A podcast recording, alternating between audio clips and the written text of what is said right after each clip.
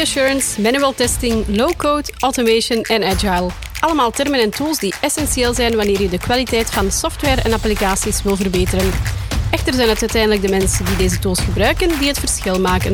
Daarom gaan wij in gesprek met toonaangevende ondernemers in onze Quality Podcast om samen te sparren over kwaliteit. Welkom bij een nieuwe aflevering van de Quality Podcast. Vandaag hebben we het over functional en non-functional requirements met Dirk Sunderman. Dirk is buitengewoon gedreven in zijn vak en al zeven jaar bij M2Q. Hij heeft meer dan 40 jaar ervaring in IT en in de komende podcast deelt hij graag zijn expertise met ons. Welkom Dirk. Dag Cynthia. Wat zijn non-functional requirements? In het Nederlands zouden we dat noemen niet-functionele noden. Maar je moet een beetje terug een stapje terugnemen. Applicaties bestaan zowel uit functionele noden als niet-functionele noden. Functionele noden, als je dat simpel uitdrukt, is wat het systeem of de software moet doen. En niet-functionele noden zijn hoe die functies worden aangeboden. Als je iets meer in detail gaat in de functionele noden, dan beschrijft dat uiteindelijk de werking van het systeem en de functies die moeten aangeboden worden. Deze vloeien dan meestal voort uit de business, user en productnoden. En wordt ook wel eens genoemd fit for purpose. Als je naar niet-functionele noden gaat kijken, die beschrijven eigenlijk hoe de functionaliteit moet aangeboden worden door het systeem of de applicatie. Niet-functionele noden dragen bij aan de functionele werking, hè, want zonder de niet-functionele noden zal het heel moeilijk zijn om de functies aan te bieden. En wordt ook dikwijls genoemd fit for use. Zoals ik daar juist zei, zonder functionele noden werkt, heb je geen systeem, hè, want dan heb je ook geen functies. Maar niet, zonder niet-functionele noden gaat je systeem niet optimaal en niet efficiënt werken. En gaan waarschijnlijk je users heel gefrustreerd geraken. En dat willen we niet. En dat willen we niet. Zou je een aantal voorbeelden kunnen geven van zowel functionele als niet-functionele noden? Jazeker. Ik ga eerst heel algemeen beginnen. Hè. Je kunt dat opdelen in grote groepen. Als je naar functionele noden gaat kijken, dat zijn businessregels. Dat zijn zaken zoals rapportering, administratieve functies die je moet hebben, externe interfaces. Authenticatie wordt daar ook bij gestoken enzovoort. Als je naar de niet-functionele noden gaat kijken, dan zijn dat zaken zoals security, performantie, onderhoud, standaarden die je wilt gebruiken, betrouwbaarheid enzovoort. Als ik echt specifieke voorbeelden zou geven, hè, dan kan bijvoorbeeld een functionele nood zou kunnen zijn. De applicatie moet de mogelijkheid bieden om, voor gebruikers om feedback te geven via een contactdocument. De niet-functionele nood daaruit zou kunnen zijn wanneer de gebruiker op dat submit van dat document duwt, dat hij binnen de twee seconden een bevestigingsscherm krijgt waar dan zegt van ja, we hebben nu uw feedback ontvangen. Een ander voorbeeld, als je naar online shopping gaat kijken, hè, alle bestellingen die geplaatst worden voor 22 uur, moeten de volgende dag geleverd worden. Dat zal uw functionele nood zijn. En daar kun je dan een aantal niet-functionele noden uit destilleren. Bijvoorbeeld het zou kunnen zijn, er is een maximum doorlooptijd van vijf minuten tussen het plaatsen van een bestelling en het terechtkomt bij de dispatcher die dan gaat zorgen dat die bestelling klaar gaat. Een andere uh, niet-functionele nood zou kunnen zijn, een geplaatste bestelling moet binnen het uur ons magazijn verlaten naar de courierdienst die gekozen is.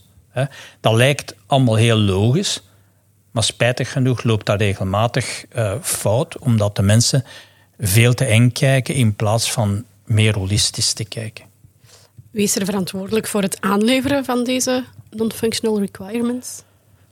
Er is nooit één persoon verantwoordelijk om dat aan te leveren. Hè. Functioneel gaan de mensen dan denken meestal aan de analist, hè, wat dan nu een functioneel een business analyst maakt weinig uit, die input neemt van de business stakeholders, gebruikers enzovoort.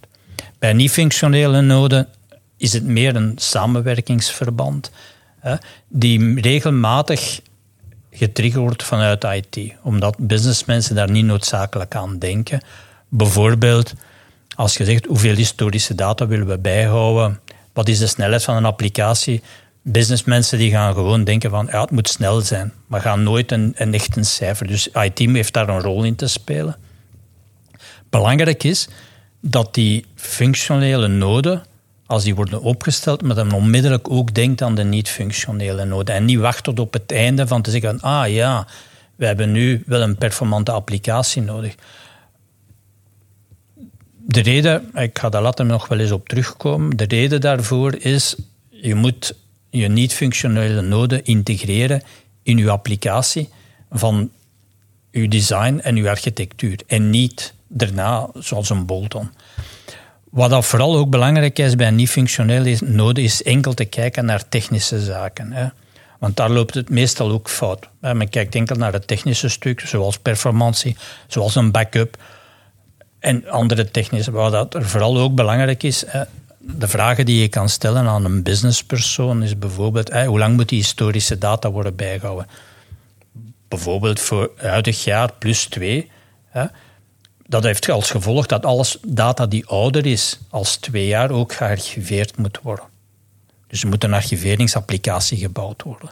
Dus dat creëert dus een bijkomende requirement die je anders niet gaat identificeren. Je kunt ook variaties op dat thema hebben van historische. Je kunt zeggen, ja, twee jaar heb ik regelmatig nodig, maar de ik wil nog drie jaar bijhouden. En dat kan je dan op een trager medium zitten of op minder uh, uh, snelle responstijden, omdat je dat toch niet regelmatig nodig hebt. Ook een vraag die je kan stellen is: hoe lang moet het, hoeveel moet het systeem beschikbaar zijn? Is dat 24-7? Uh, business hours, 8 to 5, 8 to 6 enzovoort. Ik weet, iedereen zegt altijd 24-7, dat wil iedereen, maar dat komt aan een zeer grote kost. Je kunt ook vragen stellen, mogen we upgrades doen als we het systeem downbrengen, hè, geplande outage of geplande downtime zou dat dan genoemd worden. Maar sommige mensen zeggen nee, je moet kunnen upgraden zonder downtime. En dat heeft ook natuurlijk consequenties. Als het systeem nu breekt, hè, voor een of andere reden unavailable is, hè, hoe snel moet dat terug opstaan? Als mensen zeggen van ja, dat moet binnen de vijf minuten terugwerken, dan kan dat betekenen dat je een actief-actief setup moet hebben waar dat twee applicaties naast elkaar draaien en ook gesynchroniseerd moeten worden.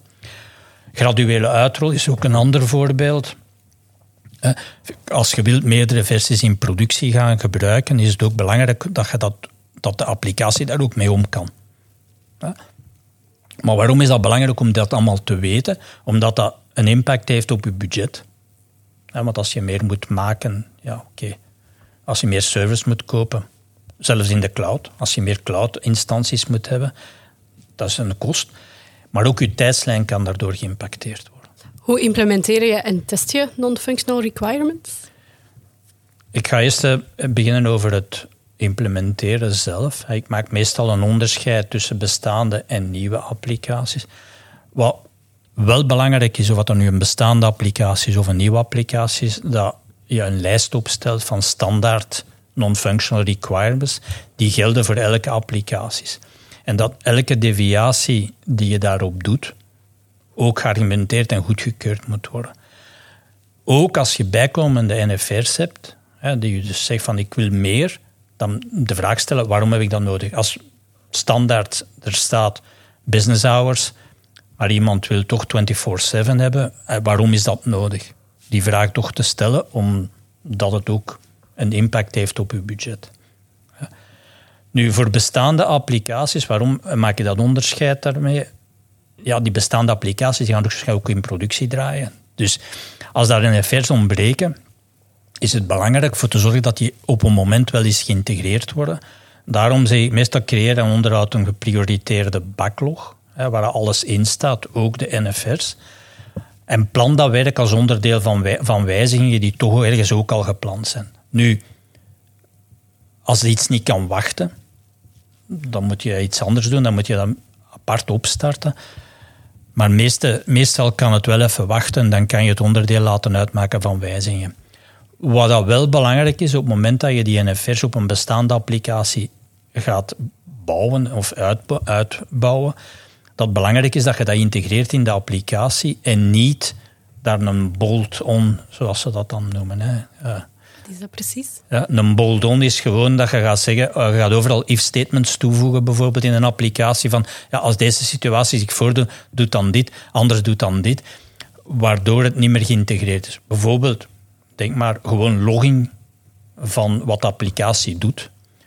Je kan dat overal inbouwen, maar je kan ook een functie of een method bouwen waar dat allemaal in zit en iedereen loopt diezelfde op. Voor nieuwe applicaties is het iets anders. Daar, gewoon de, alle NFR's moeten onderdeel maken van uw backlog samen met de functional requirements. Dat is wel heel belangrijk. Die backlog wordt dan geprioriteerd, zoals standaard, en wordt geherprioriteerd wanneer dat nodig is. Maar daardoor kunnen uw NFR's direct onderdeel uitmaken van heel architectuur en design. Het is wel belangrijk, als je dat wilt testen, dat zowel voor nieuwe als bestaande applicaties, dat er tools en technieken worden voorzien om dat kunnen testen. Voor functional requirements is dat meestal heel eenvoudig. Je gaat op het scherm, voert je functie uit en je ziet wat er gebeurt. Soms kun je daar wat voorbereidende data moeten voor hebben, maar dat is allemaal relatief eenvoudig. Bij het testen van die functionele requirements is het soms wel wat complexer. Hè? Omdat je hier meer gaat testen over verwachtingen en prestaties onder bepaalde omstandigheden. Het is niet zo, het doet de functie ja of nee, dat is niet. Het is op de manier dat die functie wordt aangeboden. En belangrijk daarvoor is, als je het wilt testen, dat je de omstandigheden ook kunt creëren. Ik ga daar een aantal voorbeelden van geven. Bijvoorbeeld als je zegt, ik wil eh, de data maar twee jaar, historische data maar twee jaar bijhouden, is dat je ook data kunt creëren die ouder is dan twee jaar, waardoor je ook je archiveringsprogramma kunt testen. Als je zegt van ik wil twee versies of ik wil meerdere versies in productie naast elkaar hebben, uh, dan is het ook belangrijk van dat te testen en van te kijken dat er geen side effects zijn. Het simuleren van een breakdown hè, en kijken hoeveel tijd dat er nodig is, hè, wordt dikwijls wel onder contingency planning gedaan of disaster recovery. Maar je moet dat ook kunnen testen op een of andere manier. Je gaat dat niet testen op het moment dat het gebeurt. Want in productie, dat zou niet, vast zijn. Maar ook als je over performantietesten hebt, moet je die load kunnen simuleren. Hè. Dat is wat standaard. Maar je kan daar ook nog verder in gaan om daar echt loadtesten te doen. Hè. Dat is variatie van load, hè. een high load, low load, om te kijken wat dat, hoe de applicatie zich gedraagt. Maar je kan ook stresstesten doen. Dat is eigenlijk de limieten van je applicatie opzoeken en kijken waar het kapot gaat. En je kunt ook volumetesten doen. Hè. Volumetesten, dat is achter heel veel data door je applicatie. Dat is niet enkel gebruik, maar gewoon data door je applicatie. En kijk hoe dat je, je applicatie dat eigenlijk gaat reageren daarop. Okay. Heb je enige closing remarks voor ons? Ik heb er een drietal. De eerste is start zo vroeg mogelijk met je NFR's.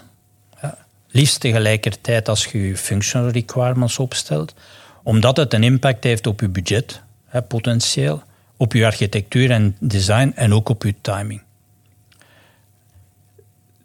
De NFR's samen met de functionele requirements bepalen samen uiteindelijk je fit for purpose en fit for use.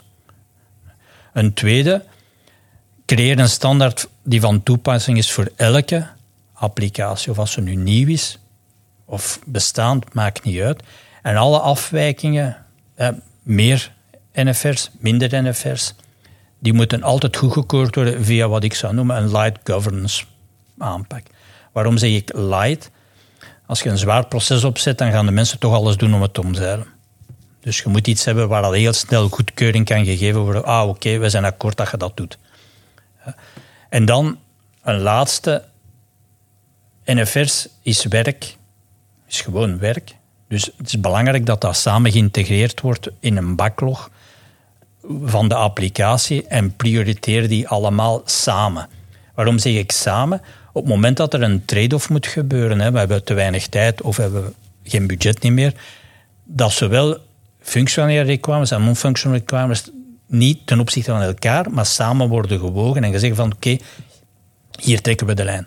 En dat kan zijn dat er functionele requirements uitvallen ten voordele van non-functionals of omgekeerd. Ja. Maar dat is wel heel belangrijk om dat te doen. Want anders gaat je altijd je non-functionals opofferen en dan daarna klagen dat bijvoorbeeld de applicatie niet snel genoeg is. Of dat ze niet werkt zoals ik Of dat ze niet werkt zoals ze denken dat ze zou moeten werken. vanuit een niet-functionele requirement. Dus het is dan eigenlijk best om ze ofwel samen op te schuiven Ja, of ja. ja, En gewoon een trade-off maken tussen beide, niet tussen beide, maar over beide. ja. Oké. Bedankt voor je inzichten, Dirk. Ehm, Graag gedaan. als de luisteraars, luisteraars jou nog zouden willen contacteren, waar kunnen ze jou dan bereiken? We kunnen altijd via de website gaan of eh, via een e-mailadres info.m2q.be. Oké, bedankt. Graag gedaan. En hiermee komen we aan het einde van weer een boeiende aflevering van de Quality Podcast. We hopen dat deze gesprekken en inzichten een waardevolle toevoeging zijn geweest aan jouw dag. Zit je nog met een vraag over deze aflevering? Stuur ons dan gerust een bericht naar info.m2q.be. Kan je al niet wachten op de volgende aflevering? Vergeet je dan zeker niet te abonneren voor de podcast op je favoriete luisterkanaal. Bedankt om te luisteren. Blijf streven naar excellentie en onthoud: kwaliteit is niet alleen een doel, het is een reis. Tot de volgende keer.